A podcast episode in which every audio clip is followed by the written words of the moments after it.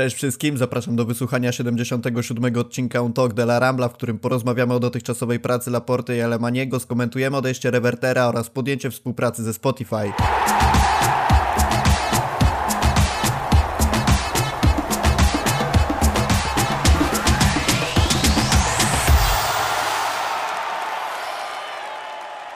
Czeka nas przeprawa przez trudne finansowe, ekonomiczne i marketingowe tematy, więc gościem tego podcastu nie może być nikt inny jak Błażej Gwozdowski. Cześć Błażej. Cześć Rafał. Mamy przed sobą sporo tematów, dlatego krótko jeszcze przypomnę na początku tego podcastu o tym, żebyście dali łapkę w górę. Jeżeli doceniacie naszą pracę, zajrzyjcie na Patronite'a i dołóżcie swoją cegiełkę finansową do naszego projektu, żebyśmy mogli się dalej rozwijać. Będziemy na pewno za to bardzo wdzięczni. Pamiętajcie też o subskrypcji naszego kanału i ocenieniu podcastu właśnie na Spotify, bo to na pewno pozwoli nam podpromować naszą działalność i docierać do szerszego grona osób. Tak jak zapowiedziałem, zaczniemy sobie od porozmawiania o pracy dotychczasowego zarządu. Głównie skupimy się na Laporcie i Alemanim, e, którzy z jednej strony wykonują dobrą robotę, z drugiej strony nie możemy zapomnieć o ich początkach, głównie Laporty, bo wiemy, że te początki zarządu wiążą się z odejściem Messiego, późniejszym chociażby wyjazdem Laporty na Ibizę, kiedy w klubie się paliło, a on wypoczywał sobie na luksusowym jachcie. Ciągle został też taki smrodek po działaniach z Superligą, czy też takim szerokim poglądzie na to, że Laporta głównie podkrada swój projekt fontowi. E, Błażej, zacznijmy sobie w ogóle od takiego szerokiego pytania, na ile poważne wnioski możemy już wyciągać po niemalże roku działalności Laporty i czy nie jest jeszcze za wcześnie, żeby go oceniać, bo wiemy, że ten projekt przebudowy Barcelony to raczej projekt długofalowy, aniżeli takie e, roczne działania, dlatego jak to wygląda Twoim zdaniem? Myślę, że sam sobie już po części odpowiedziałeś zdecydowanie zbyt wcześnie. W końcu, jakbyśmy tak rzetelnie na to spojrzeli, to Laporta nawet nie zrealizował pełnego swojego własnego budżetu, który stworzył, nie skończył sezonu projektowanego od samego początku przez siebie i swój zarząd, czego by nie dokonał tak naprawdę w tym sezonie, jeżeli Barca nie awansuje do Ligi Mistrzów, to będzie to potężna porażka Laporty i nikt nie ma co do tego żadnych wątpliwości. No ale oczywiście pewne wnioski można wyciągnąć już teraz. Po pierwsze, z takich pozytywnych rzeczy działa bardzo metodycznie, bez pośpiechu, co jest ważne. Po drugie, obdarza zaufaniem swoich pracowników, e, przede wszystkim tych e, najbliższych, i widać to, jakby przekłada się to na wymierne efekty ich pracy. Buduje też taką atmosferę współpracy, co, co też jest ważne, bo nikt tutaj od dłuższego czasu już o Laporcie nie mówi. Kiedy rozmawiamy o tym, co się w klubie dzieje, no to rozmawiamy o Mateu Alemanim czy Reverterze. Nie rozmawiamy już tak dużo o Laporcie, jak to było wcześniej. Skutecznie i dość szybko zmienił też obraz Barcelony w mediach, czyli z takiego już tonącego okrętu, z którego każdy chciałby uciekać, wyłania się no, obraz, może przesadzę, jeśli powiem, że rosnącej potęgi, ale no jednak mówimy tutaj o obrazie klubu, który może stanąć do wyścigu o Erlinga Halanda, czyli można powiedzieć jednego z dwóch najbardziej gorących y, transferów, jakie można sobie wymyślić na najbliższe okienko. Także biorąc to wszystko pod uwagę, no to wiele dobrego się w, na, w, na przestrzeni ostatnich miesięcy wydarzyło. A na ile myślisz, na ile myślisz, że zmiana Barcelony w mediach jest efektem Laporty, a na ile odejściem e, Bartomeu? Gdyby to miało być samo odejście Bartomeu, to efekt byśmy osiągnęli bezpośrednio po jego odejściu, a zwróć uwagę, że pierwszy pierwsze pół roku pracy Laporty to w zasadzie była próba odwrócenia kota ogonem troszeczkę, tak, bo były wymiany poglądów między nim a Bartomeu, później była sprawa z Messim, która bardzo pogorszyła jakby sytuację w klubie i wywołała dość, dość ostrą burzę. Więc siłą rzeczy mam wrażenie, że dopiero wtedy, kiedy ta, ten, ten, ten kurz po tej burzy opadł, i pracownicy, których Laporta sobie wybrał, mogli już normalnie pracować bez jakiegoś tak, takiego ciśnienia e, czasu, jakie było wcześniej, chociaż no, w Barcelonie to, to nigdy nie ma tak, że ta, ta presja nie istnieje, to dopiero zobaczyliśmy prawdziwy obraz tego zarządu, który stworzył Laporta, czyli prawdziwy obraz kierunku, w którym on by chciał, żeby klub zmierzał.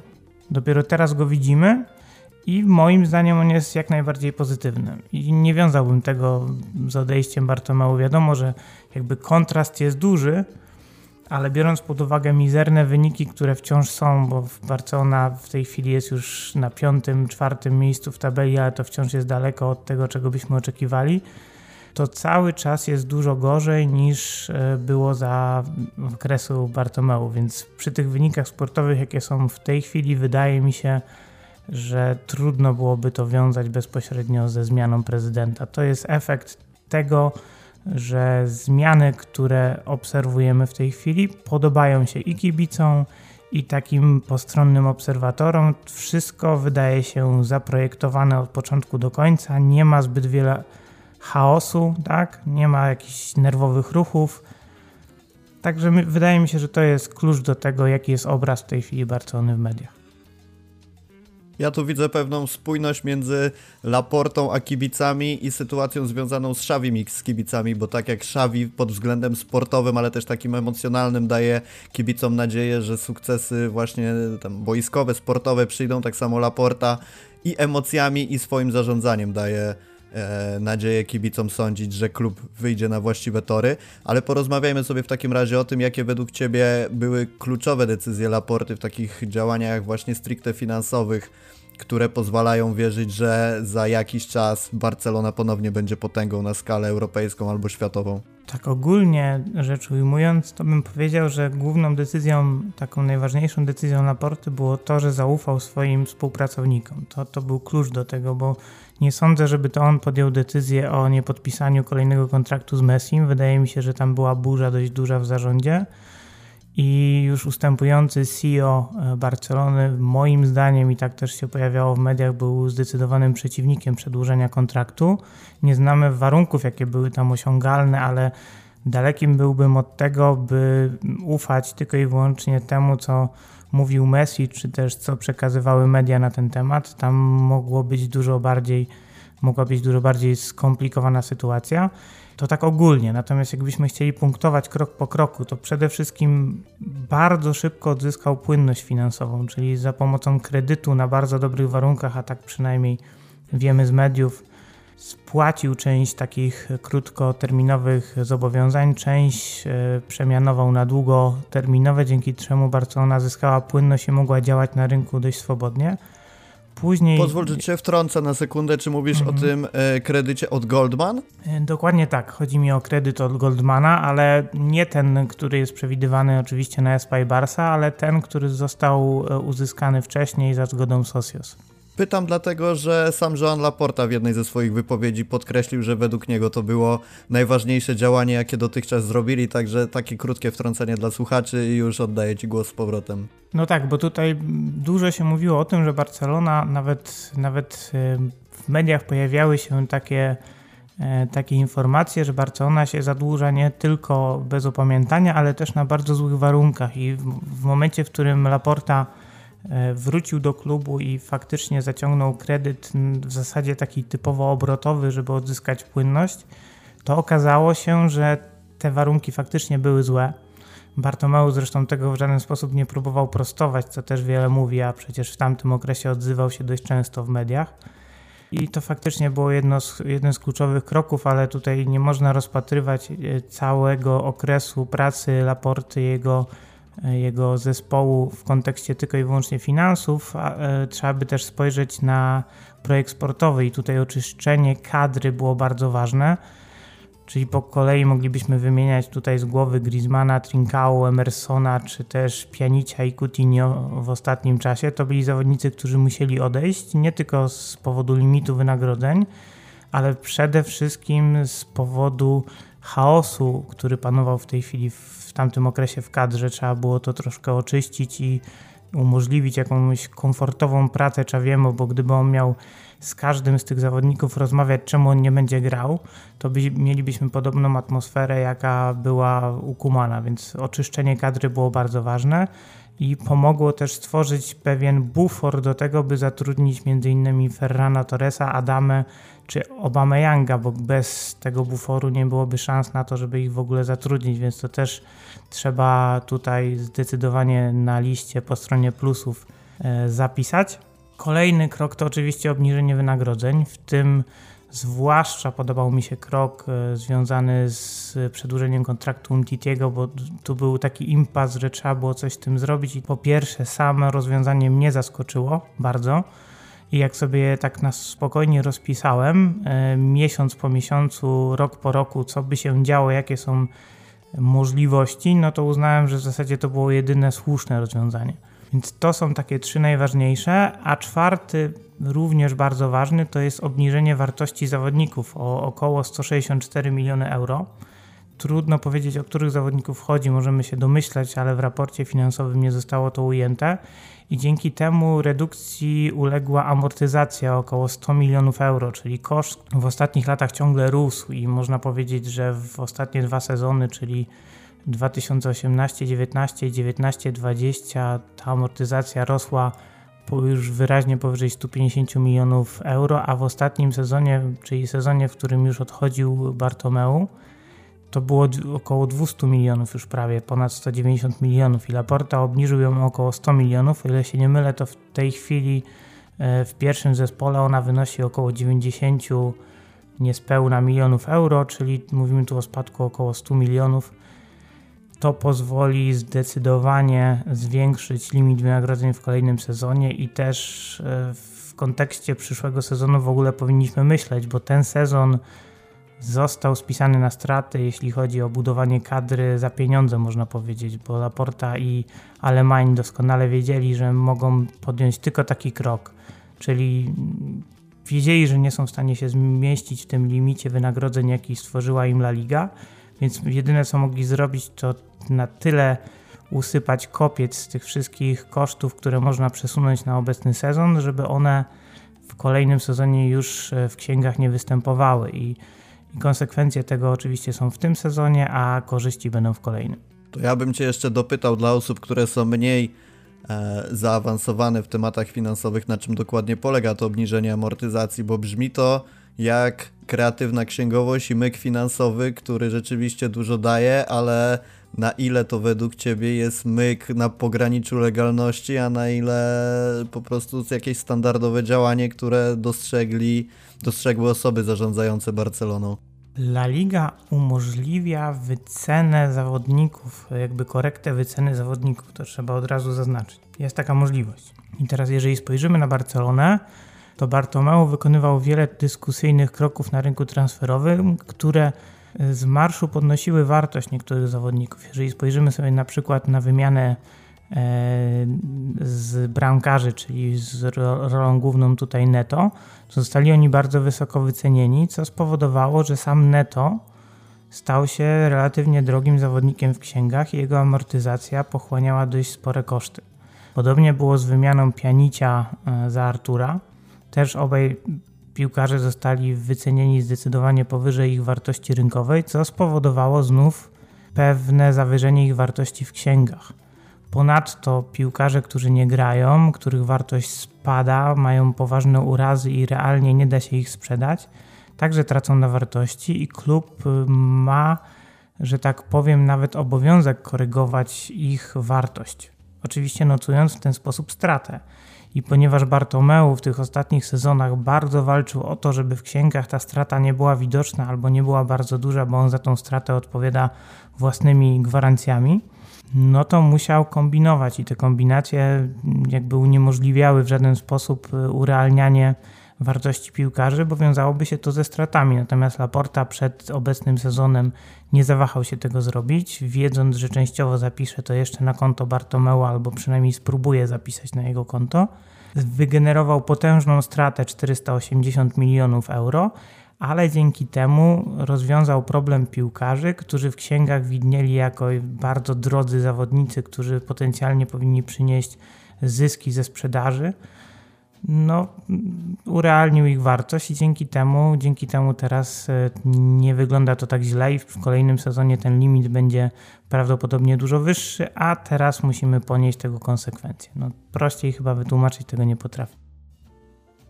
Ale pewnie i tak niektórzy, tak jak ja, będą musieli sobie to przesłuchać dwa razy na spokojnie, żeby dotarło na i, i, żeby to zrozumieć poprawnie. 8 marca 2021 roku y, Mundo Deportivo opublikowało taki artykuł, który mówił o tym, jakie są zadania przed Laportą. Wśród nich wymienił przedłużenie umowy z Messim. Ja bym tu zrobił łamane na wyjaśnienie sytuacji z Messim, bo do pewnego momentu wydawało się, że to przedłużenie jest takie oczywiste i będzie wiązało się z samymi pozytywnymi rezultatami. Natomiast wiemy, że tych pozytywnych, jak i negatywnych to, to się wszystko mieszało. Wymienili też zmniejszenie zadłużenia, kontrolowanie wydatków na pensje, początek przebudowy Camp Nou, ogarnięcie sytuacji związanej z Barca Corporate, budowanie obszaru sportowego od strony zarządzania i przebudowanie kadry. Myślę, że poza tak naprawdę początkiem przebudowy Camp Nou, o którym porozmawiamy później, Barca Corporate, wydarzyło się wszystko na jakimś tam pewnym etapie i też pokrótce to sobie omówiliśmy, dlatego przejdźmy do drugiej części e, rozliczania Laporty, bo mamy już wyniki śledztwa e, Forensic, mam nadzieję, że dobrze czytam tę nazwę. I co według Ciebie nam to mówi? Bo ja widzę liczby, widzę, że dług wynosi 1,35 miliarda euro, widzę co na to się tak naprawdę składa. Wiemy, że dwa ostatnie lata to jest strata około 600 milionów euro, z czego zaledwie 135 milionów zostało wywołane sytuacją, jaka obiegła świata, nazwy której nie możemy mówić, żeby nie ograniczyć sobie zasięgów na YouTubie. E, że w ciągu ostatnich 7 lat nie poczyniono tak naprawdę żadnych inwestycji w obiekty sportowe, a dopiero obecny zarząd zwołał referendum zatwierdzający projekt Espai Barca. Tylko co nam to tak naprawdę wszystko mówi o przyszłości Barcelony, bo często wymieniamy te kwoty 389 milionów y, euro na odroczone pensje, 1,35 miliarda euro długu. Co nam to mówi tak naprawdę? Jak to rzutuje na przyszłość Barcelony i co Laporta może z tym zrobić? Szczerze mówiąc, patrząc z perspektywy tego, co wiedzieliśmy już przed wynikami tego śledztwa, to mówi nam niewiele, bo większość z tych informacji już dobrze znaliśmy. Choćby ten zadłużenie, o którym mówisz, czyli w okolicach 1,3 miliarda euro, to jest zadłużenie, które znaliśmy już wcześniej. Ono było no, wyraźnie zaznaczone w raportach finansowych i nie wzrosło przez ostatni E, przez ostatni rok i nie wzrośnie, można powiedzieć, e, obecnie, bo to, że Laporta wygenerował tą stratę, o której mówiłem przed chwilą, i ona oczywiście przyniesie pewne korzyści, to przeksięgowanie niektórych, niektórych kosztów między sezonami przyniesie korzyści w kolejnych sezonach, nie wpłynęło na całkowite zadłużenie Barcelony. Ono się zmniejszyło minimalnie z sezonu na sezon, więc to tylko pokazuje, że sytuacja Barcelony od czasu, kiedy Słyszeliśmy o możliwym bankructwie i nawet była o tym mowa w raporcie finansowym, że Barcelona jest w zasadzie bankrutem i płynie dalej tylko i wyłącznie z tego względu, że e, jest marką, która nie może upaść. No to było między wierszami wręcz wprost napisane, że gdyby była normalną firmą, w której pieniądze zainwestowali akcjonariusze, no to uciekaliby oni z tonącego okrętu, a Barcelona by stopniowo jako firma musiała skłaniać się ku temu, żeby ogłosić bankructwo, natomiast wiadomo, Barcelona taką firmą nie jest, więc to nie mogło się wydarzyć.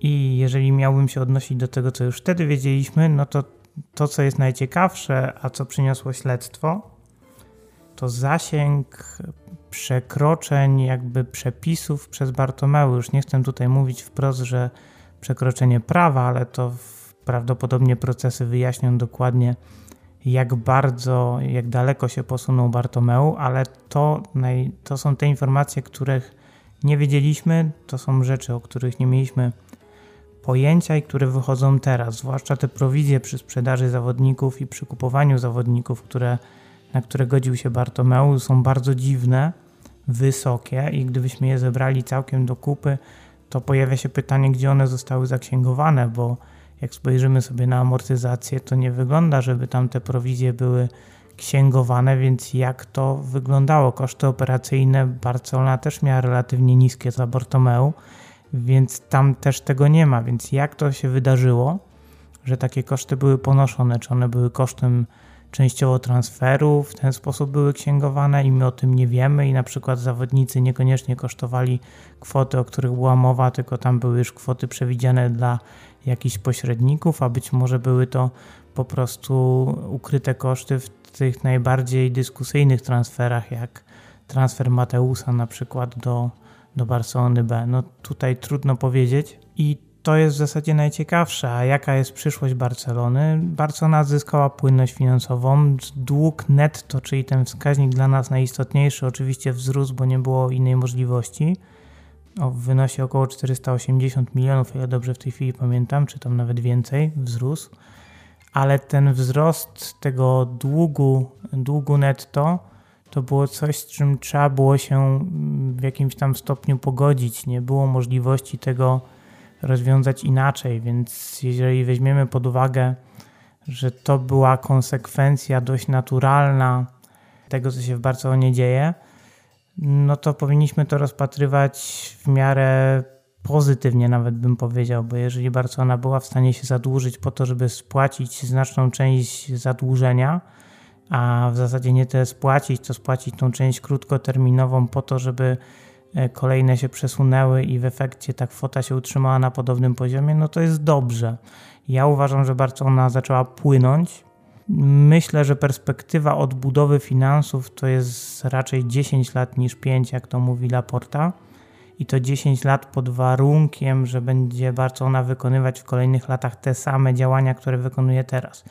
I nie łudźmy się, że my teraz w kolejnych sezonach będziemy oglądać budżety, które będą z istotnym zyskiem, bo to byłoby wręcz nie na rękę Barcelonie, która by wtedy płaciła wysokie podatki, raczej będzie przesuwać część zobowiązań jako koszty w kolejnych budżetach po to, żeby spłacać stopniowo zadłużenie, zmniejszać dług netto, ale to mówimy o perspektywie 4, może 5 lat, kiedy pierwszy raz ten dług netto wyraźnie nam zacznie topnieć i dzięki temu będzie można normalnie na rynku transferowym działać i to działać na tym rynku transferowym mniej więcej szukając bilansu na zero, tak? Więc myślę, że Barcelona będzie musiała sprzedawać za podobne pieniądze, za jakie będzie piłkarzy kupować i szukać raczej zawodników, którzy nie będą chcieli zarabiać zbyt dużo, bądź też będą się będą do sprowadzenia za bardzo niewielkie kwoty, po to, żeby nie zwiększać tej kwoty wydawanej na wynagrodzenia, tak? która, która jest objęta tym limitem La Ligi. Więc tak to będzie wyglądało. Nie wyklucza to oczywiście jakiegoś wielkiego transferu, jednego czy dwóch w najbliższych latach, bo to będzie nawet potrzebne, by zaspokoić oczekiwania sponsorów, którzy gdzieś tam wokół Barcelony zaczynają się kręcić i to będzie konieczne. Natomiast nie, nie wierzyłbym za bardzo w to, że w ciągu 3-4 lat Barcelona stanie się znów takim klubem, jakim była 10 lat temu, to jest praktycznie niemożliwe. Powinniśmy się pogodzić z tym, że to będzie stopniowy powrót do rzeczywistości. Nam się będzie wydawać, że za dwa lata wszystko jest w porządku, natomiast y, to, to będzie tylko taka iluzja, taka podobna do tej, jaka była bezpośrednio po zwycięstwie w Lidze Mistrzów ostatnim Barcelony, kiedy wydawało się, że Bartomeus słusznie wygrywa kolejne wybory, bo przecież na sportowym szczeblu wszystko jest w najlepszym porządku, więc czemu się przejmować każdym innym aspektem prowadzenia klubu. No dobrze, ale w takim razie, jeżeli mamy sytuację, w której mówisz, że Barcelona nie odbuduje się szybko, to ja się zastanawiam, na ile możemy tutaj mówić o sukcesie takim od strony instytucjonalnej, a na ile od strony sportowej. No bo znaczy wiemy oczywiście, że tego nie możemy rozdzielać i to wprowadzenie takiego sztucznego podziału jest mocno, e, mocno na, na potrzeby jakby rozmowy. Natomiast jeżeli byśmy spróbowali mimo wszystko to zrobić, to rozumiem, że Barcelona podejmuje kroki, które prowadzą do odbudowy klubu na poziomie finansowym już e, mówiąc, patrząc na to z lotu ptaka, czy, czy to są długi netto, czy to jest zapożyczanie się, jakby zbierzmy to wszystko do jednego wora i nazwijmy to jako działania prowadzące do odbudowy klubu. I teraz załóżmy, że za, nie wiem, 2-3 lata okazuje się, że Barcelona rzeczywiście e, odpala projekt Trzewiego, zaczyna działać na poziomie sportowym, Gavi jest tam w top 3 złotej piłki, bla, bla, bla, bla, bla, Fati jednak nie jest kontuzjowany, Adama gra świetnie. No jasne, brzmi to trochę życzeniowo, natomiast zmierzam do tego, że jeżeli Barcelona odpali na poziomie sportowym, e, już tak z chłodną głową do tego podchodząc i, i nie wiem, może Haaland y, przyjdzie do Barcelony i, i będzie super grać, to dlaczego nie możemy być pewni tego, według tego, co powiedziałeś, że Barcelona e, będzie wielkim klubem, bo zabrzmiało to szczerze mówiąc bardzo pesymistycznie z twojej strony, że nie mamy co się tego w ogóle spodziewać, a ja gdzieś mam w głowie może nieco taką e, marzeniową wizję tego, że jednak trzy e, lata to jest dość dużo czasu, żeby przebudować projekt sportowy i Barcelonę, która będzie walczyć o najwyższe tytuły nie do końca się zrozumieliśmy. To, że Barcelona może, nie wiem, w przeciągu trzech lat wygrać Ligę Mistrzów i dwa razy ligę, to nie jest niemożliwe, to jest jak najbardziej możliwe. To, że może sprowadzić już w najbliższym okienku Halanda, również jest jak najbardziej prawdopodobne i myślę, że tak się zresztą wydarzy. Natomiast czym innym jest powrót do sytuacji sprzed 10 lat, kiedy te długi były pod kontrolą, kiedy można było mówić o tym, że Barcelona będzie kupować piłkarzy za 100 milionów więcej niż ich sprzedaje. No takie, e, takie warunki, żeby odbudować je, no to potrzebujemy, myślę, około 10 lat. No chyba, żebyśmy zacisnęli pasa całkowicie na najbliższe 3 lata i założyli, że nie kupujemy nikogo za pieniądze poza, nie wiem, jakimś jednym wielkim transferem, którego oczekują od Barcelony sponsorzy to wtedy można byłoby mówić, że to potrwa 5 lat. Natomiast ja myślę, że tutaj Laporta przyjmie raczej taktykę powolnego powrotu na szczyt, czyli będzie wydawał istotne pieniądze na rynku transferowym, będzie musiał już szukać tych samych pieniędzy na rynku transferowym poprzez sprzedaże, będzie coraz to stopniowo zwiększał sprzedaż y, Barcelony jako produktu marketingowego sponsorom i będzie się starał z tego tytułu uzyskać coraz większe pieniądze. I w ten sposób stopniowo będzie mógł spłacać zadłużenie i prowadzić do tej sytuacji, w której Barcelona znów stanie się potęgą na miarę Manchesteru City, na przykład jeśli chodzi o rynek czysto transferowy, czy też Realu Madryt, bo Real Madryt w tej chwili ma potężną przewagę nad Barceloną pod kątem e, czystych możliwości określiłbym to mm, mylenia się na rynku transferowym, bo Barcelona nie ma absolutnie marginesu na pomyłki. Więc to też, jakbyśmy chcieli być optymistami, założyli, że kupno piłkarza za 100 milionów od razu rozwiąże problem, no to tak, to wtedy Barcelona może bardzo szybko się odbudować. Ale wydaje mi się, że realistyczne podejście wymagałoby przynajmniej dopuszczenia takiej możliwości, że Barcelona sprowadzi Halanda, a on wypadnie na pół roku, a potem znów po dwóch miesiącach wypadnie na kolejne trzy miesiące i nie będzie z tego tytułu żadnych korzyści, więc bierzmy to pod uwagę. Wydaje mi się, że Barcelona po prostu przez to, że na rynku transferowym będzie musiała bardzo zachowawczo postępować, tak jak robi to do tej pory, czyli sprowadzać zawodników, którzy przynajmniej nie, nie będą ryzykownym y, krokiem, czyli tak jak sprowadzono Ferrana Torresa, to jest piłkarz, który kosztował dużo pieniędzy, nie oszukujmy się, to jest znaczna kwota, ale jest po pierwsze 21-latkiem, piłkarzem, który nie miał większych problemów z urazami, piłkarzem, który bardzo dba o siebie, jest ułożony, bo to też jest istotne. Jest Hiszpanem, który gdzieś tam pokazał się w Anglii, że potrafi strzelać bramki, więc gdyby się zdarzyła sytuacja, że będzie trzeba Ferrana sprzedać, to będą przynajmniej dwa istotne rynki, na których można znaleźć kupca i przynajmniej część tej kwoty odzyskać. Podobnie jest z wypożyczeniami np. Obameyanga, czy sprowadzeniem w zasadzie Obameyanga za darmo, czy wypożyczeniem Adamy. To są kroki, które nie generują znacznego ryzyka. To ryzyko pojawi się latem, myślę, że głównie w kontekście sprowadzenia kraka i jeżeli Barcelona się w tym zakupie pomyli, to konsekwencje będzie ponosić od razu, bo nie będzie mogła go zastąpić kolejnym piłkarzom od razu. To już nie będzie taka sytuacja, jak była z Dembele i Coutinho, gdzie Barcelona mogła później jeszcze sprowadzić Griezmana. To po prostu już nie nastąpi.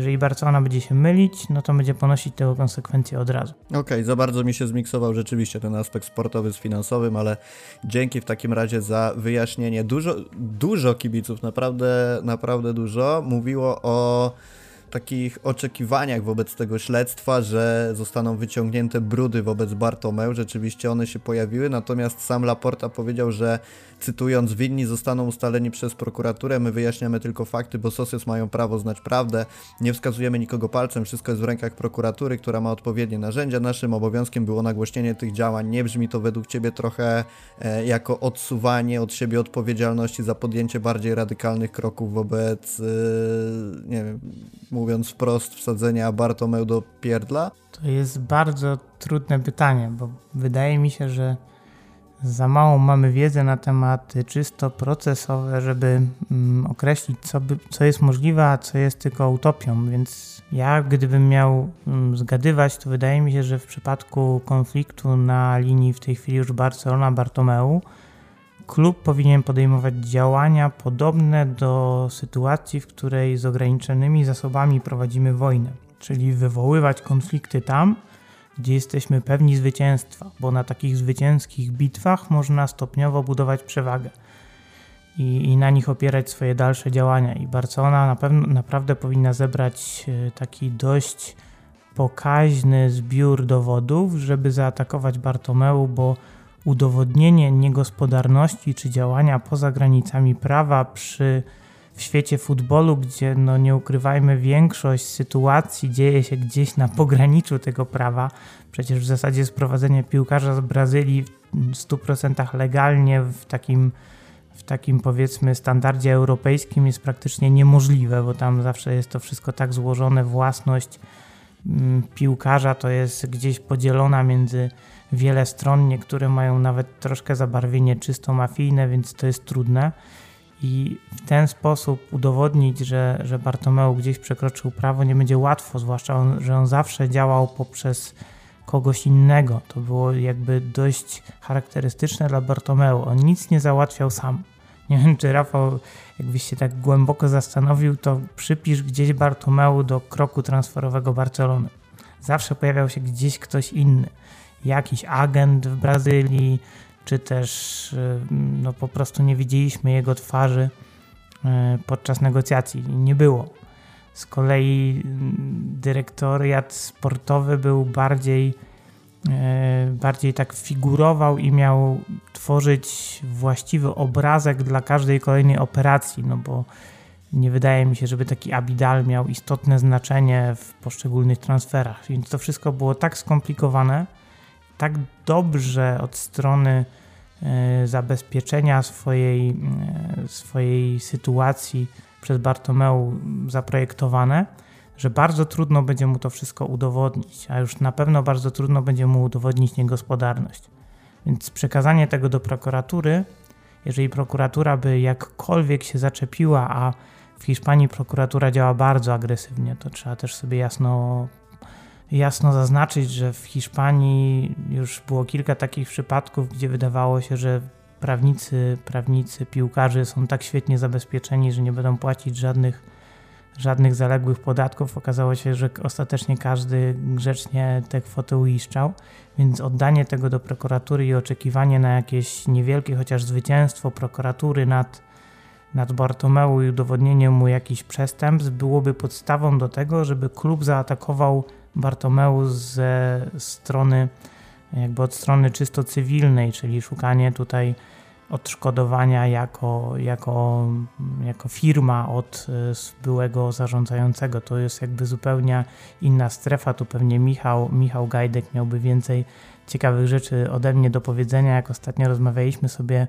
e, przy piwie, no to on też zaznaczał, że wyciągnięcie jakichkolwiek konsekwencji czysto prawnych y, po tym, co robił Bartomeu, będzie niezwykle trudne i wymaga niezwykłej sprawności w działaniu, żeby faktycznie odzyskać choć część pieniędzy, które on gdzieś tam sprzeniewierzył.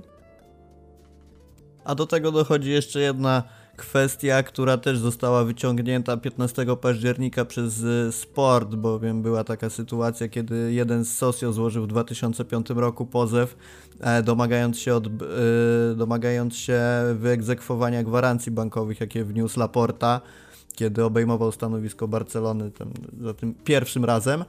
E, które dotyczyły z kolei strat finansowych klubu z lat 2002-2003 Natomiast jakby sama sytuacja wyglądała tak, że potem sąd orzekł na jego korzyść oczywiście, natomiast sam ten socio Vicent Pla, jeżeli dobrze czytam nazwisko, wycofał się z tej sprawy i przekazując to niejako rządom e, co skończyło się już finalnie tym, że w 2015 roku Bartomeu zrezygnował z egzekwowania tego w imieniu klubu, czyli jakby cała ta sytuacja trochę odciążyła Laportę z, z, tej, z, tej, z tej sprawy i też doszukuje się takich sytuacji, kiedy to niejako Laporta miałby w ramach e, takiego w cudzysłowie mówiąc podziękowania darować Bartomeu takie agresywne ściganie, ale E, przejdźmy sobie dalej, bo mamy jeszcze kilka ciekawych tematów. Mateu Alemanym podbił serca kibiców swoimi działaniami głównie związanymi z rynkiem transferowym, bo w sytuacji, kiedy wydawałoby się, że Barcelona nie jest w stanie ściągnąć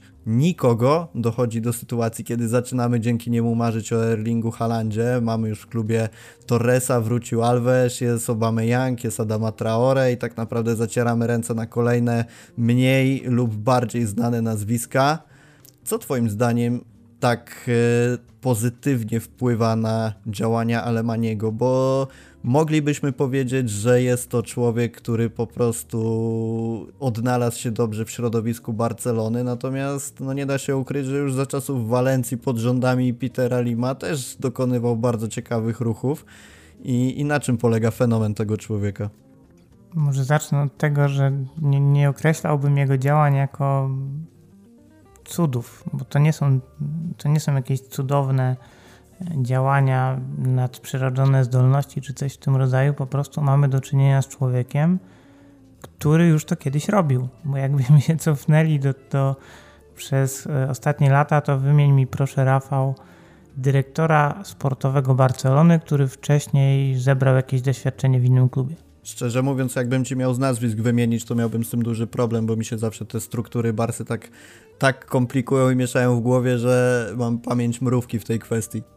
Generalnie nie było takich postaci, tak? No, to ci bardzo to wszystko skrócę i uproszczę, więc mamy pierwszy raz takiego, takiego dyrektora sportowego, który jest no, postacią Hiszpanii bardzo cenioną, bo tutaj mówimy o osobie, która obok no, no kilku takich wiodących jak Monchi to jest na, no, no, no, no, myślę, że najlepsza trójka w Hiszpanii, jeśli chodzi o dyrektorów sportowych.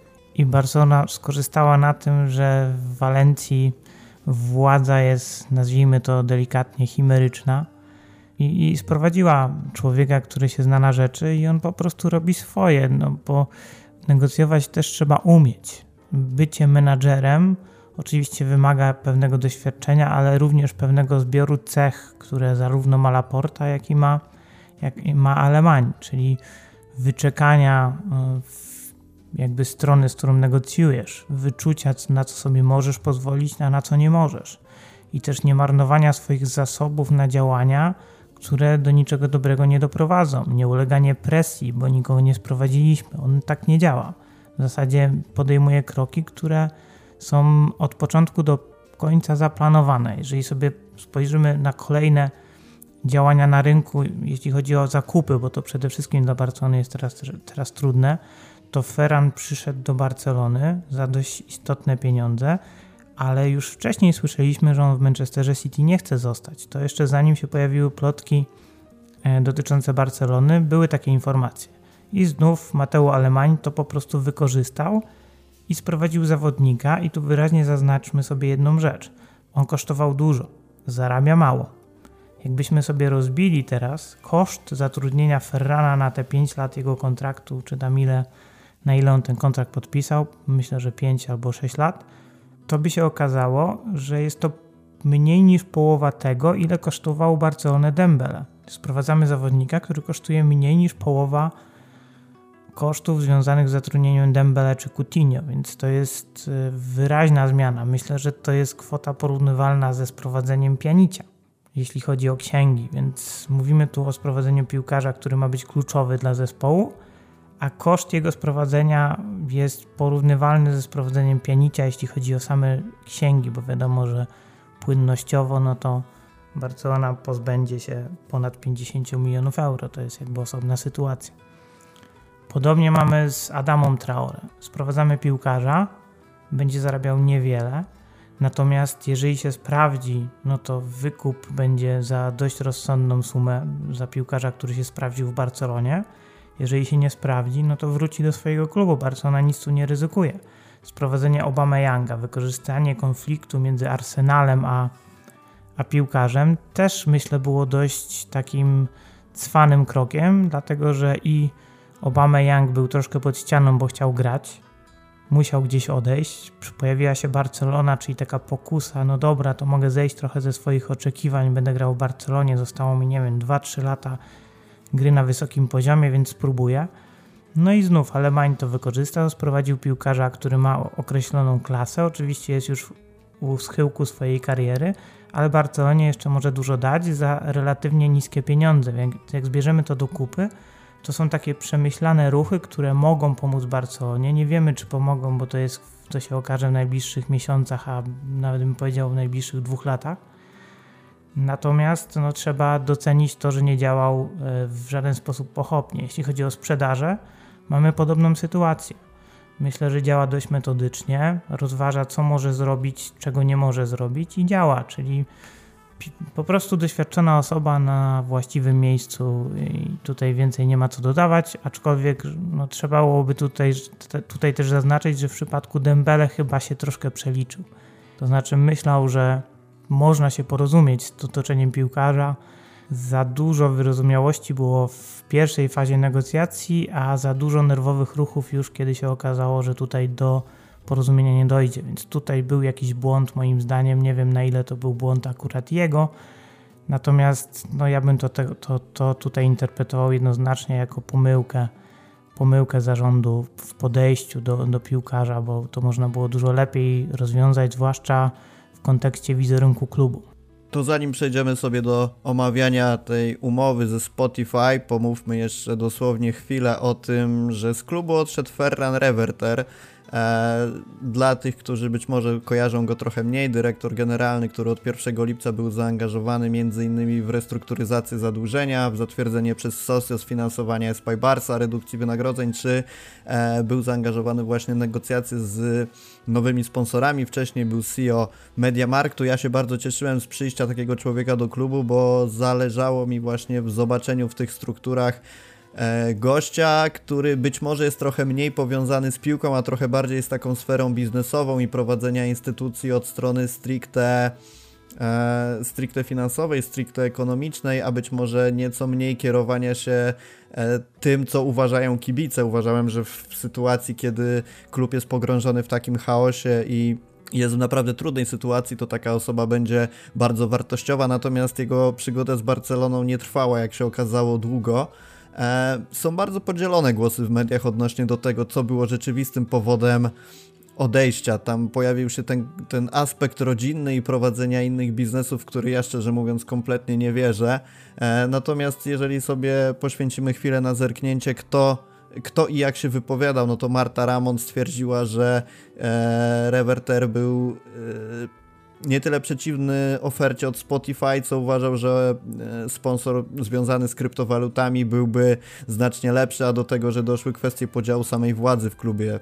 Mark Menchen e, uważał, że ma, że Reverter miał dość włączania do struktur, e, struktur zarządu osób powiązanych z samym Laportą i tutaj wymienia się takie postacie jak chociażby siostra Laporty, czy, czy to, że kierownikiem do spraw strategii cyfrowej została Manana Giorgadze, czyli córka zaufanego człowieka Laporty. E, przekładało się oczywiście to na wątpliwości w ich kompetencje. E, Cadena Ser podało, że poszło tutaj o Superligę, umowę CVC, transfer Ferna, Ferrana Torresa i te, te finalnie umowę ze Spotify, która przelała czary goryczy Revertera. El Mundo z kolei podaje, że Reverter był zwolennikiem modelu e, niemieckiego, gdzie te, ta, ta własność mniejszościowa, 49% jest w rękach prywatnych przedsiębiorstw. Sport stwierdził, że znowu jest to kwestia CVC czy Superligi, natomiast y, w mojej opinii y, zaważyło to, co de facto miało być plusem w tym wszystkim, czyli to, że Reverter nie do końca dogadał się z Laportą.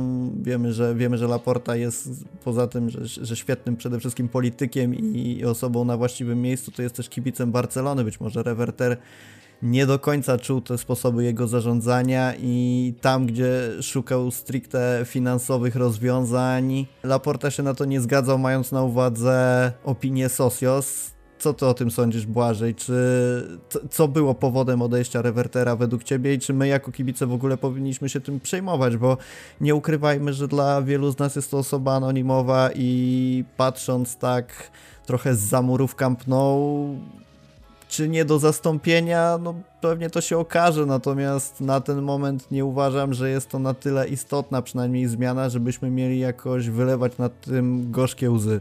powinniśmy się przejmować, no bo jak CEO Barcelony odchodzi po siedmiu bodaj miesiącach pracy nagle, no to jest to zmiana, która raczej nie była planowana, więc zawsze powinniśmy się czymś takim przejmować, ale tutaj od razu postawmy grubą krechę. Wszystko, o czym teraz rozmawiamy, to są czyste spekulacje.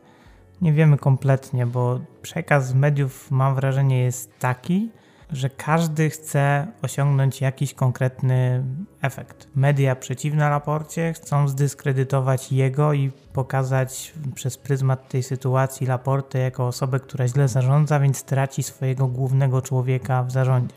Z kolei pozostałe media, które są po stronie Laporty, próbują tą sytuację trochę złagodzić i gdzieś szukają tutaj przyczyn bardziej prozaicznych, czy też doszukują się przyczyn w jakichś konkretnych sytuacjach, jak na przykład transfer Ferrana Torresa, czy po prostu zgadzają się z oficjalnym stanowiskiem klubu, że była to sytuacja czysto osobista.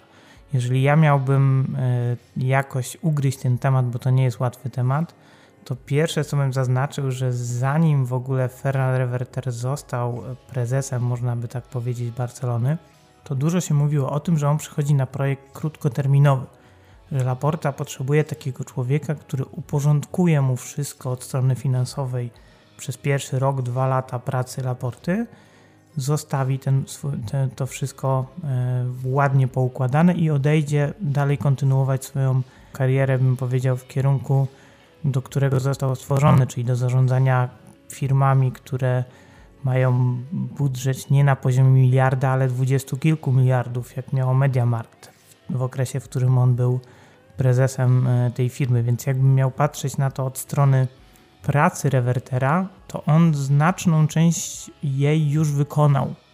Więc to nie jest odejście, bym powiedział, w najważniejszym, kluczowym momencie, w którym znajduje się klub. I z tej perspektywy też patrząc na odejście Ferrana oraz na to, że on mimo wszystko będzie dalej pełnił swoje obowiązki, dopóki klub nie znajdzie odpowiedniego następcy, to raczej nie skłaniałbym się ku jakiemuś ostremu konfliktowi, bardziej ku takiemu stopniowemu rozchodzeniu się koncepcji Laporty i Ferrana Revertera. Bo wszystkie media od samego początku wskazywały, że akurat e, dyrektor generalny Barcelony chciałby właśnie podążać w kierunku systemu niemieckiego, gdzie przekształcamy firmę w spółkę akcyjną w pełni. Zachowujemy pakiet większościowy, który pozwala Socios sprawować władzę nad klubem w tym sensie, że te decyzje muszą przyklepać, najważniejsze, ale część klubu podlega prawom rynkowym, czyli możemy dokapitalizować firmę w różne sposoby, w sposoby dość proste, tak? Możemy sprzedać, wypuścić jakiś, jakąś emisję akcji, zrobić, która pozwoli odzyskać płynność, jakby Działanie klubu w ramach e, spółki prawa handlowego, czyli spółki akcyjnej, pozwala w pewien sposób rozszerzyć spektrum możliwych działań. Daje więcej, bym powiedział, takich instrumentów zarządzającym do tego, żeby radzić sobie z trudnymi sytuacjami. W tej chwili Barcelona nie ma ich wiele. Mogła sprzedać faktycznie Barca Studios, mogła zaciągnąć kredyt obrotowy, może znaleźć kolejnego sponsora. Każdy z tych kroków musi być, że tak powiem, przyklepany przez Socios, a jak sobie spojrzymy na to, jaka była frekwencja wtedy, kiedy decydowano o projekcie Espa Barsa, no to trudno tutaj się e, nie skłonić w, w kierunku takiego sądu, że cały ten koncept, którym klub jest zarządzany przez Socios, jakby się powoli wyczerpuje, a ja bym nawet powiedział, że on się już wyczerpał. Bo zarządzanie klubem w znacznej części, podejmowanie decyzji z myślą o tym, że musimy zebrać większość podczas gromadzenia Socios, gdzie są rozmowy o tak absurdalnych tematach i są tak absurdalne wnioski czasem podnoszone, że mijasz się włos na głowie jeżył, jak tego słuchałem, no jest dość zabawne. To, to nie, nie, jakby nie licuje z powagą firmy, która ma miliardowe przychody. Rozmowa o tym, że reprezentacja kobiet jest zbyt niewielka w zarządzie Barcelony w momencie, w którym mamy ustalać, czy zaciągamy potężny kredyt na kilkadziesiąt lat na budowę stadionu, jakby w środku tej debaty, no to jest dość śmieszna sytuacja. To jest oczywiście istotny temat do rozmowy, ale nie w takim momencie. Czy rozmowa o samych karnetach w koło Macieju, można powiedzieć, i, i to, jak, jak, jak niskie są w ogóle kwoty za karnety dla Socios, to też jest dość no, dla mnie śmieszna sytuacja. Więc wydaje mi się, że Reverter zdawał sobie sprawę z tego, że bycie zakładnikiem Socios utrudnia mu pracę, a Laporta nie chciał tego zmieniać, więc jakby tutaj był wyraźny klincz między nimi. Laporta nie chciał ryzykować, nie chciał iść na wojnę z Socios, bo to by mogło go przekreślić na długie lata. Natomiast Ferran Reverter był troszkę ograniczony, jakby czuł, że gdzieś nie ruszy, no to otrzymuje odpowiedź: Nie, tego nie możemy zrobić, tego też nie możesz zrobić, pomyśl, jak to rozwiązać inaczej. Kiedy dyrektor generalny co chwilę musi się dostosowywać do pewnych ograniczeń i, i działać w, na, w tym obszarze w sposób bardzo, bardzo, bardzo taki e, nietypowy dla niego, no to gdzieś w którymś momencie można powiedzieć pas. I wydaje mi się, że to była taka sytuacja, że on powiedział pas, jeżeli nie zmienimy czegoś w wyraźny sposób, to ja tu wiele więcej nie mogę zrobić. Wydaje mi się, że akurat kontrakt ze Spotify to jest głównie zasługa Ferrana Revertera. Jak się przyjrzymy tym warunków, warunkom tak na spokojnie, oczywiście one wciąż nie są oficjalne, to możemy dojść do wniosku, że one są przynajmniej dobre i nie wiem, czy Barcelona mogła uzyskać lepsze. Wydaje mi się, że, że nie bardzo. I też jakbym miał przewidywać, czy te oficjalne ustalenia będą bliżej tych najbardziej pesymistycznych szacunków, czy tych najbardziej optymistycznych, to skłaniałbym się ku temu, że raczej te bardziej pesymistyczne są wiarygodniejsze. A, no to przejdźmy sobie w takim razie do tej kwestii Spotify w ogóle to nam się ciekawie zazębia, bo według programu Onze w TV3 nowym dyrektorem, który ma zastąpić e, Ferrana Revertera ma zostać Alex Barbany, e, czyli były członek ekipy Laporty podczas tej, tych wyborów, po których e, sam Barbany został dyrektorem do spraw przychodów.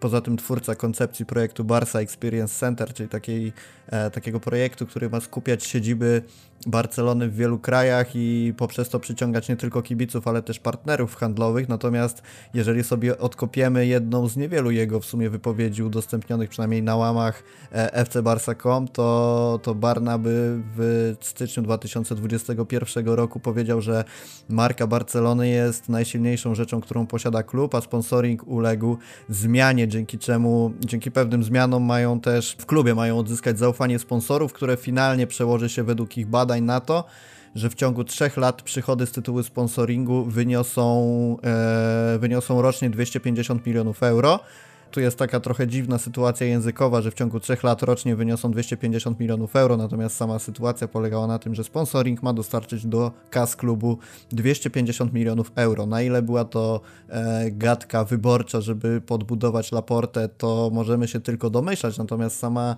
sytuacja teraz wygląda tak, że tak jak powiedziałeś, według różnych dzienników jest to kwota od 75, a nawet 62,5 miliona euro rocznie do 93 milionów. Tam się pojawiają też e, kwoty pośrednie jak 75 czy 85 milionów euro, ale mniej więcej mamy zarysowany ten roczny przychód, jaki ma być wygenerowany z tytułu sponsoringu e, Spotify. Czy według Ciebie jest to duża kwota, czy mała kwota? Bo pojawiają się porównania do Rakutenu i oczywiście wiemy, że ta sytuacja nieco się zmieniła i te kwoty, jakie Barca dostawała, też zostały obniżone. Natomiast patrząc na to, co Rakuten dawał Barcelonie, na samym początku to umowa ze Spotify nawiązuje mniej więcej do tego, bo ta kwota jest podobna. I teraz ja się zastanawiam, czy po tylu latach biorąc pod uwagę generalny wzrost cen w piłce i, i, te zmiany rynkowe, to czy nie powinno być to więcej? Z drugiej strony mam w głowie, że Rakuten podpisywał umowę z Barceloną, e, z Messim, Barceloną, która walczyła o najwyższe tytuły i Barceloną, która miała, przynajmniej mogłoby się tak wydawać, bardzo dobry projekt sportowy, a na ten moment Barcelona jest w zupełnie innym miejscu. Projekt sportowy się odbudowuje i trochę na tę przyszłość patrzymy jak przez mgłę, jeżeli chodzi o, o sukcesy, bo może możemy mówić, że może być tak, może być inaczej, ale, ale wszystko może pójść w drugą stronę i Barcelona może, może co sezon nie, nie awansować do Ligi Mistrzów. No jest to jakiś tam mniej lub bardziej prawdopodobny moment. Na pewno gorszy niż to, co zastał Rakuten podczas negocjacji. No dobrze, to skoro mamy ten temat jakoś w jasny sposób słuchaczom wyjaśnić, to jakoś sobie to uporządkujmy, bo ten przekaz w mediach był bardzo zagmatwany, więc najpierw rozdzielmy dwie rzeczy. Prawa do częściowej nazwy stadionu na najbliższe 3 lata tak? bo one zostały określone na 3 lata i nie wiadomo jak, jak będzie po tym okresie, jaka to będzie kwota. Więc generalnie stadion sobie zostawmy gdzieś z boku na razie. I skupmy się na sponsoringu tym, tych koszulek, tak? czyli reklama na koszulkach. I przeanalizujmy najpierw warunki, w których Barcelona przystąpiła do negocjacji. Po pierwsze, Barcelona była pod ścianą. Musiała podpisać umowę, bo się kończyła umowa z Rakutenem, musiała podpisać umowę. Więc po pierwsze była zdecydowanie pod ścianą. W sytuacji, w której musisz to zrobić, bo nie możesz sobie pozwolić na to, że przez pół roku czy tam przez rok pograsz sobie z UNICEF-em na, na przodzie koszulki i trochę jeszcze wizerunek poprawisz, no to wiadomo, że negocjacje będą dużo trudniejsze. Gdybyś mógł sobie na to pozwolić, to wtedy negocjacje wyglądałyby zupełnie inaczej. Więc to jest pierwsza rzecz. Barcelona zdecydowanie była w tych negocjacjach pod ścianą i to akurat nie jest wina Laporty. On i tak przeciągnął temat sponsoringu bardzo, bardzo długo i wydaje mi się, że to było podyktowane między innymi tym, że oferty, które na początku otrzymywał, były dużo niższe niż ta, którą, o której teraz rozmawiamy. I po drugie, było pewne takie rozdroże, bo można było pójść w kierunku umowy z firmami bardzo mało rozpoznawalnymi, które mogą dużo zyskać na współpracy z Barceloną, ale jednocześnie z tą świadomością, że Barcelona na tej współpracy może też trochę stracić wizerunkowo. Tak jak Barcelona straciła wizerunkowo na współpracy z Katarem, bo to było jednoznaczne, że, że ostatecznie wizerunkowo Barcelona na tym trochę straciła. Biorąc to wszystko do kupy, podjęto moim zdaniem słuszną decyzję, że ta umowa ma być krótkoterminowa, bo 3 lata to jest, bym powiedział, bardzo krótkoterminowa umowa, jeśli chodzi o sponsoring w porównaniu do innych klubów, jak one do tego podchodzą.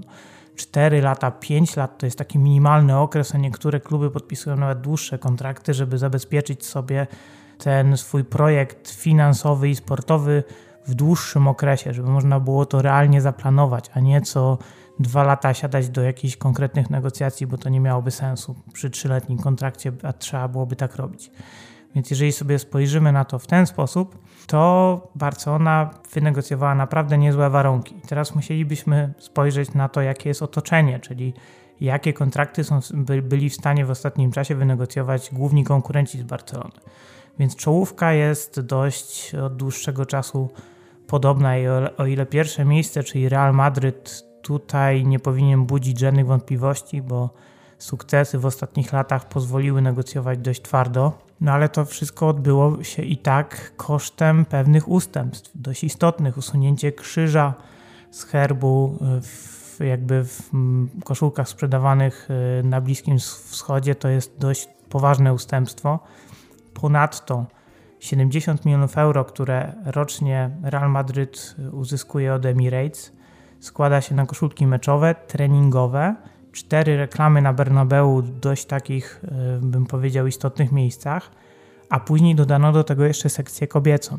I w ten sposób Real zabezpieczył sobie 70 milionów euro rocznie w kontrakcie z Emirates i jeszcze dodatkowo tam wchodziły w grę projekty typu mecz pokazowy czy udział w reklamach piłkarzy. To jest dość taka szeroko zakrojona współpraca, którą bardzo trudno jest przyrównać do tego, co Barcelona miała z Rakutenem. Drugie miejsce w tej czołówce zajmuje Barcelona i Manchester United. Ja ich tutaj zebrałem razem, dlatego że to są bardzo podobne kwoty rzędu 55-57 milionów euro, biorąc pod uwagę tą najniższą wycenę, jaka się w mediach pojawiła, czyli 57,5 miliona euro rocznie za koszulkę męską, kobiecą, plus tył koszulki treningowej I tam jeszcze jest 10 milionów zmiennych w zależności od tytułu, więc ta kwota mogłaby być w przypadku zdobycia jakiegoś tytułu nawet wyższa niż ta, którą otrzymuje Manchester United. I tutaj to, co wynegocjował Manchester United, powinno być dla nas takim dość solidnym benchmarkiem. Dlatego, że Manchester United po kontrakcie z Chevroletem, który był bliski tego, co uzyskiwali królewscy, siadł do negocjacji i się okazało, że najlepszą ofertę złożyła firma TeamViewer, która na 5 lat bez koszulek oczywiście treningowych, zaproponowała około 56 milionów euro dla Manchester United, czyli kwotę niższą niż wcześniej płacił Chevrolet. Jeżeli porównamy to do tego, co wynegocjowała Barcelona, to są bardzo zbliżone kwoty i też trudne negocjacje. Kolejne kluby to PSG, no tutaj wiemy jaka jest sytuacja, to jest około 51 milionów euro oficjalnie, tutaj podkreślmy oficjalnie od Akora, więc Trudno powiedzieć, jaka to jest rzeczywiście kwota. Oficjalnie to jest 51 milionów, czyli dość wyraźnie mniej niż otrzymuje Barcelona do, za dość szeroki zakres sponsoringu. Później mamy Arsenal, który ma umowę do 2024 roku i uzyskuje około 50 milionów. Liverpool, Chelsea i Juventus to już są kwoty poniżej 50 milionów euro. Więc jeżeli spojrzymy na to i weźmiemy też pod uwagę, że niektóre z tych kontraktów są bardzo długoterminowe, a niektóre dopiero zostały przedłużone, to te 57,5 miliona euro w tym najbardziej pesymistycznym wariancie, który się w mediach pojawił, daje Barcelonie drugie miejsce wraz z Manchesterem, a ze zmiennymi możemy wskoczyć nawet tuż za Real Madryt, jeśli chodzi o współpracę, nie decydując się na tak kontrowersyjnego partnera, jakim jest na przykład Emirates, bo to mimo wszystko jest bardziej kontrowersyjny partner niż Spotify.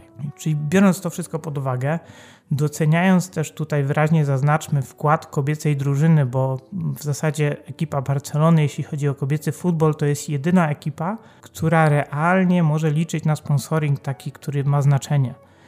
Ona oczywiście przynosi straty, bo nie oszukujmy się, w tej chwili to jest e, jakby ta sfera rozwoju Barcelony, która jest czysto inwestycyjna, czyli Barcelona musi dokładać więcej niż otrzymuje z tego zwrotu, tak? To jest około 2 milionów euro na ten sezon planowana strata i w kolejnym pewnie będzie podobnie, bo znów będą zwiększone nakłady i pomimo tych około 5 milionów na kobiecą piłkę, no to znów będą około pewnie 2 miliony straty.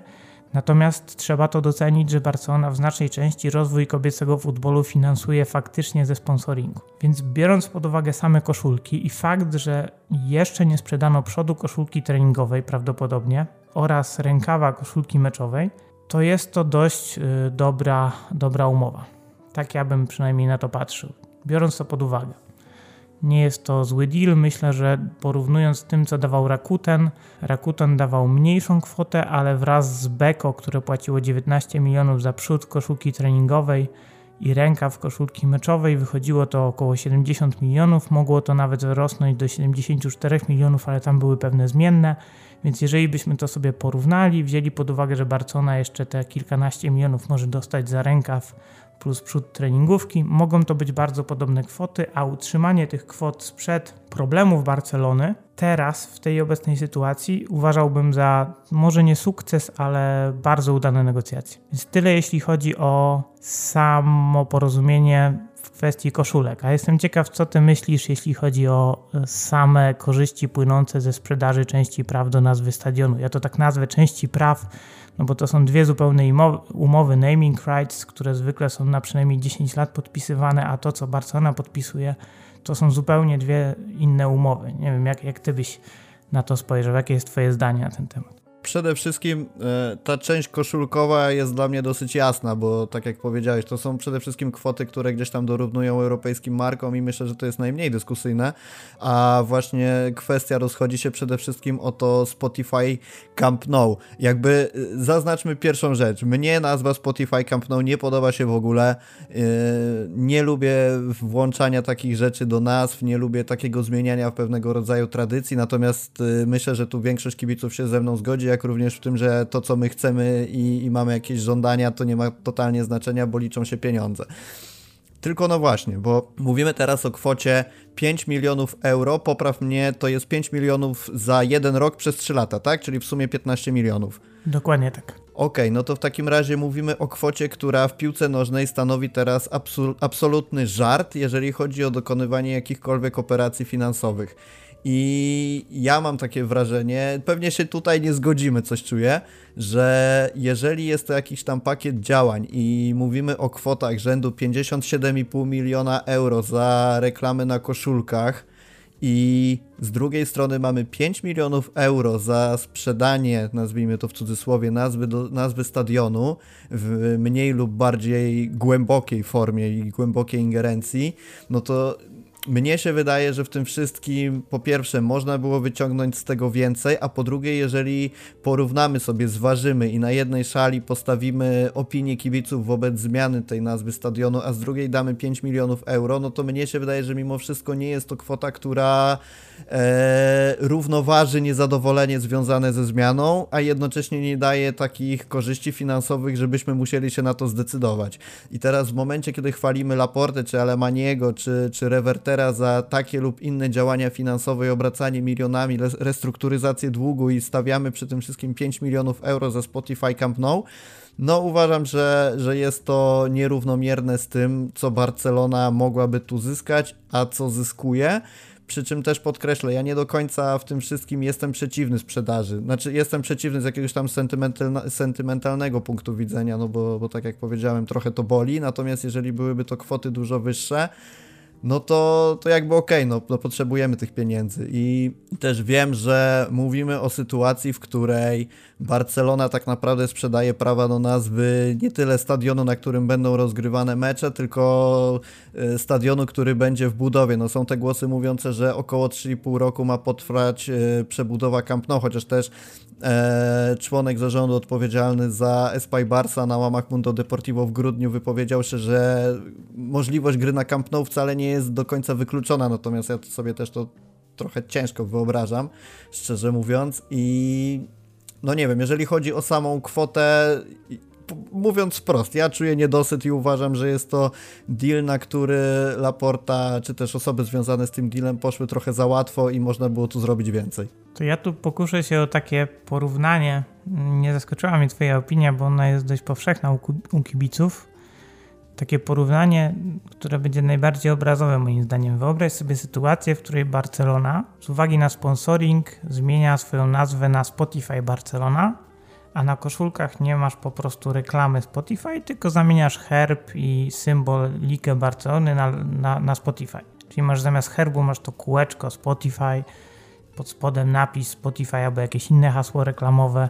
Jak Barcelona gra z Realem Madryt, to masz Real Madryt i Spotify Barcelona jakby gdyby coś takiego Barcelona zrobiła za 5 milionów euro, czyli sprzedała nazwę do, i nazwa stadionu miała być Spotify Arena za 5 milionów, ja byłbym przeciwnikiem.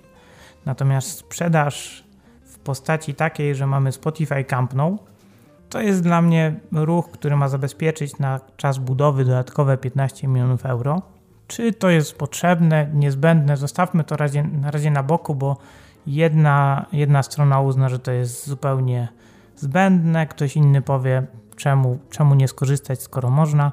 Moim zdaniem taka nazwa nie wryje się w żaden sposób w umysłach osób, które będą gdzieś tam oglądać spotkania Barcelony. Ten, ten przedrostek Spotify będzie gdzieś tam z głowy wycierany taką gumeczką. Myślę, że i tak to Camp Nou będzie dominować, a firma Spotify, zdając sobie z tego sprawę, nie chciała zapłacić więcej. Bo to wciąż będzie moim zdaniem takie Camp Nou z przedrostkiem Spotify. Jakby signed by Spotify, coś na tej zasadzie, bo to raczej nie, trudno porównać z takim prawdziwym naming rights. No ale zostawmy na razie ten temat, ok, mamy kwotę 5 milionów. Później ma być 20-25 milionów, takie przynajmniej są przecieki po tych trzech latach.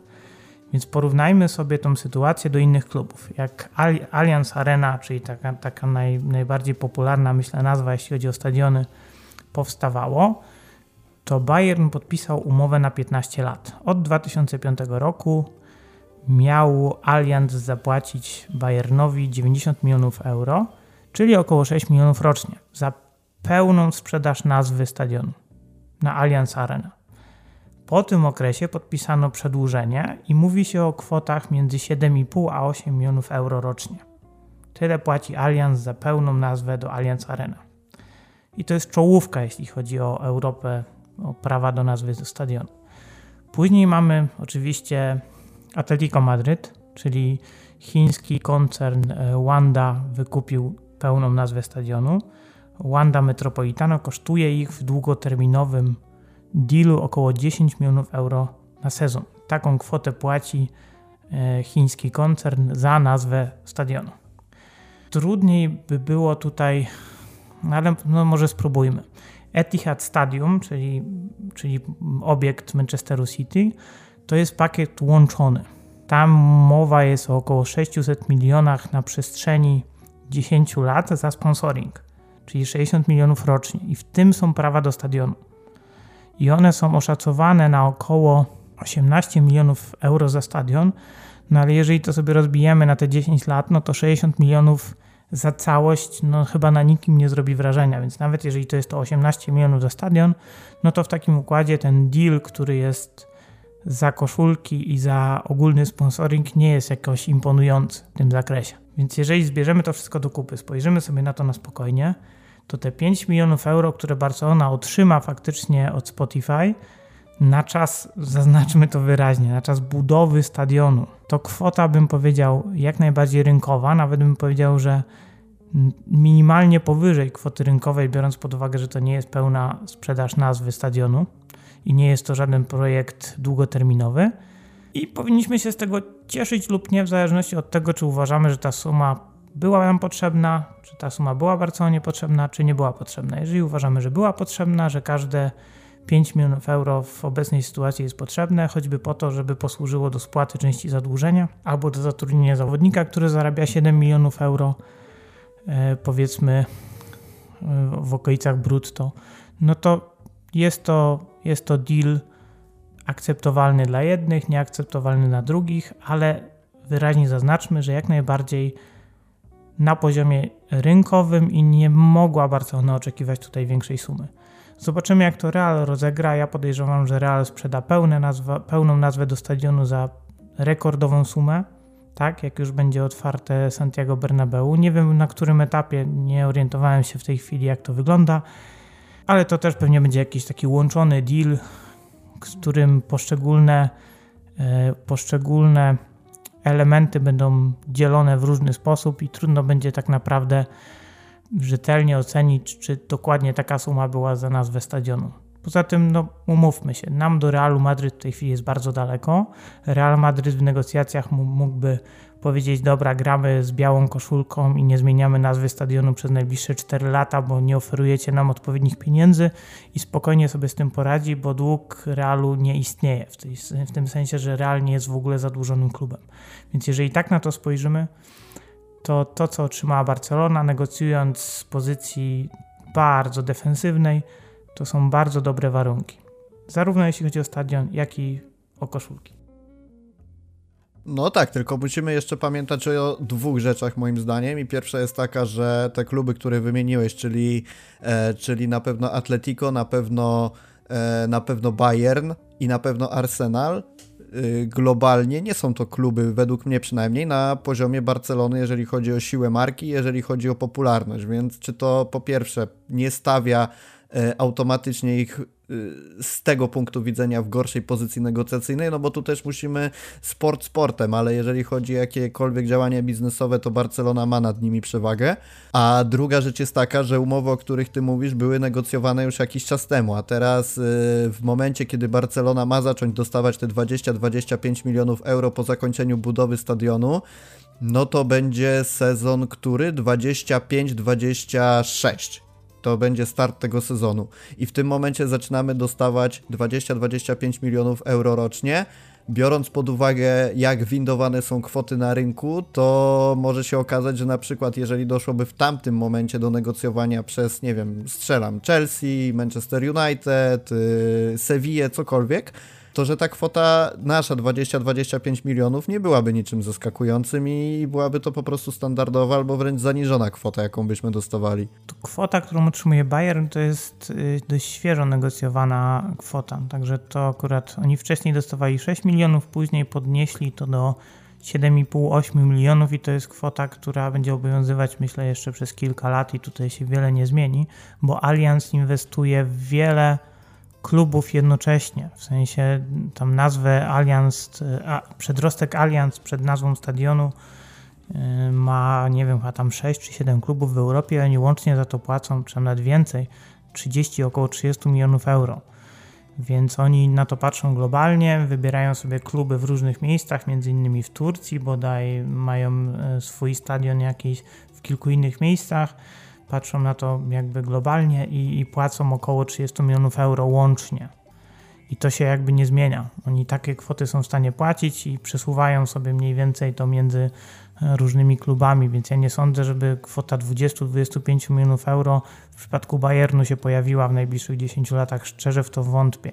Jedynym klubem, który rzeczywiście może to przeskoczyć, moim zdaniem jest Real Madryt i myślę, że to przeskoczy, bo ma po prostu większy potencjał na ten moment i, i już można powiedzieć, że powinniśmy się pogodzić z tym, że tak jak przez ostatnie kilkadziesiąt lat Real miał lepszy stadion od Barcelony, tak prawdopodobnie przez kolejne 100 lat będzie miał znów lepszy stadion niż Barcelona, bo projekt nowego Camp Nou pod wieloma względami, patrzę tutaj jako konstruktor budowlany, jakiś tam e, pasjonat generalnie architektury i konstrukcji, uważam, że rozwiązania konstrukcyjne zastosowane w Camp Nou, a to co zrobił Real Madryt to jest jakby tak myślę minimum 10 lat rozwoju w branży. Także tutaj no, Barcelona... mnie, bar mnie, bardzo zaskoczyło to, mnie bardzo zaskoczyło to, że ma być niewysuwana murawa na tym nowym stadionie, no, na, więc na jeżeli przykład, tak. przewidujemy, przewidujemy jakieś hasła reklamowe pod kątem słuchaj muzyki na żywo na Spotify Camp Nou, no to myślę, że to odpada, bo, bo nie sądzę, żeby na przykład co miesiąc chcieli wymieniać murawę po jakichś koncertach.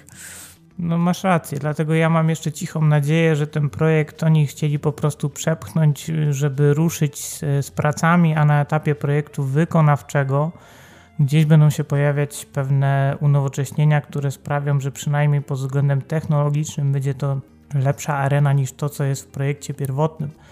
Bo jeżeli nie, no to niestety znów Barcelona będzie od Realu y, odstawać, ale zostawmy na chwilę same samą arenę, czyli sam stadion, ale chodzi mi o warunki finansowe za, za sponsoring. Myślę, że Real jest przez najbliższe kilka, e, może nawet kilkanaście lat troszkę poza zasięgiem Barcelony. Barcelona może go podgryzać, bo ma większy potencjał na przykład w mediach społecznościowych, trochę lepiej pod tym kątem to wszystko rozgrywa, więc tutaj może e, troszkę nadrabiać. Natomiast mimo wszystko Real ma lepszą pozycję negocjacyjną i z pewnością to wykorzysta. Z kolei pozostałe kluby za Barceloną myślę, że nawet się, do, e, nawet się nie zbliżą. Że tu będzie wciąż dość duża przewaga Barcelony, która właśnie wynika z tego, że w social mediach Barcelona jest potworem, tak? Też dlatego, że Barcelona jako miejsce czysto turystyczne kojarzy się ludziom bardzo dobrze. No i kolejna rzecz, o której jakby tutaj nie rozmawialiśmy, ale całe porozumienie ze Spotify to jest prawdopodobnie jedyne takie porozumienie wśród y, takich umów sponsorskich między klubami piłkarskimi a jakimiś firmami, w którym obie strony mogą na tym zyskać. Bo jeżeli na koszulkach Realu jest Emirates, no to umówmy się, klienci Emirates, nawet jak zaczną kojarzyć to z Barceloną, no to jakieś konkretne korzyści z tego płynąć raczej nie będą. Natomiast jeżeli młodzi użytkownicy Spotify zaczną kojarzyć markę z Barceloną, to sam klub może mieć z tego pewne korzyści. Będzie się gdzieś tam gruntował w umysłach młodych ludzi jako marka powiązana z ich ulubionym, ulubioną aplikacją. Tak? Więc tutaj obie strony mogą zyskać i wydaje mi się, że te trzy lata porozumienia między Spotify a Barceloną mają sprawdzić, na ile ich przewidywania, ich jakby teza, że mogą na tym skorzystać obie strony jest słuszna, tak? Więc te trzy lata są tym okresem próbnym, a później się okaże, jakie warunki będą po tych trzech latach. Wciąż nie znamy zresztą warunków oficjalnych. Więc biorąc to wszystko pod uwagę, wydaje mi się, że jest Real Madryd, Barcelona, którą podgryza gdzieś tam Manchester United w niektórych miejscach, ale mimo wszystko jest marką troszkę niżej pozycjonowaną już w tej chwili co się zresztą zmieniało przez lata, bo wcześniej Manchester był nawet na pierwszym miejscu. I jeżeli Barcelona sprowadzi Halanda lub no w zasadzie chciałem powiedzieć jakiś porównywalny transfer przeprowadzi, ale chyba żadnego porównywalnego w tej chwili nie ma, więc musiałaby sprowadzić faktycznie Halanda przy założeniu, że Real Madryt sprowadzi Mbappé, to tutaj ten dystans między Barceloną a całą tą grupą pościgową będzie się utrzymywał. To ja dosłownie na koniec dorzucę jeszcze jedną rzecz, bo mówimy o finansach i o tym, ile Barcelona dostanie pieniędzy, natomiast pamiętajmy, że w sponsoringu poza samą kasą liczą się jeszcze jakieś tam wzajemne wymiany świadczeń, a e, tak jak powiedziałeś, to jest bardzo celne, o czym ja nie, nie pomyślałem wcześniej. Emirates nie daje takiej przystępności usług, jaką daje Spotify użytkownikom i rzeczywiście to może być fajnie ograne, jeżeli Barcelona to ciekawie wykorzysta i no nie wiem, no oczywiście wchodzą nam pewnie do głowy jakieś pomysły w stylu pakiety premium dla Socios czy coś takiego, ale ja mam nadzieję, że to pójdzie też w stronę dostępności dla e, przeciętnych kibiców, którzy gdzieś tam nie angażują się aż tak bardzo w struktury klubu jak sami Socios. E, ciekawe jak to wszystko będzie rozegrane. Ja mam wrażenie, że trochę są przesadzone te głosy mówiące jakoby Spotify było niesamowicie innowacyjną firmą, bo też streaming muzyki czy streaming wideo nie jest czymś takim no, niesamowitym w dzisiejszych czasach. Natomiast na pewno jest to firma dużo bardziej innowacyjna niż mielibyśmy podjąć się współpracy z nie wiem, producentem ręczników papierowych do kuchni czy coś takiego. I no, pewnie to będzie zależało też sam, od samej strategii rozwoju Spotify i tego, jak to potraktują. Natomiast to, co musimy podkreślić, to że samego oficjalnego porozumienia jeszcze nie mamy, przynajmniej na moment, kiedy nagrywamy ten podcast w niedzielę po południu. Eee, dobra, Błażej, myślę, że mamy fajny odcinek, dużo ciekawych rzeczy. Czy chciałbyś jeszcze coś poruszyć na koniec, czy będziemy kończyć? No ja myślę, że jeśli chodzi jeszcze o ten potencjał współpracy ze Spotify, to tutaj bardzo ważne dla Barcelony jest, kto korzysta ze Spotify, czyli kto jest odbiorcą, bo biorąc to wszystko pod uwagę, można pójść na pewne ustępstwa. To jest marka jednoznacznie pozytywnie kojarząca się młodym ludziom.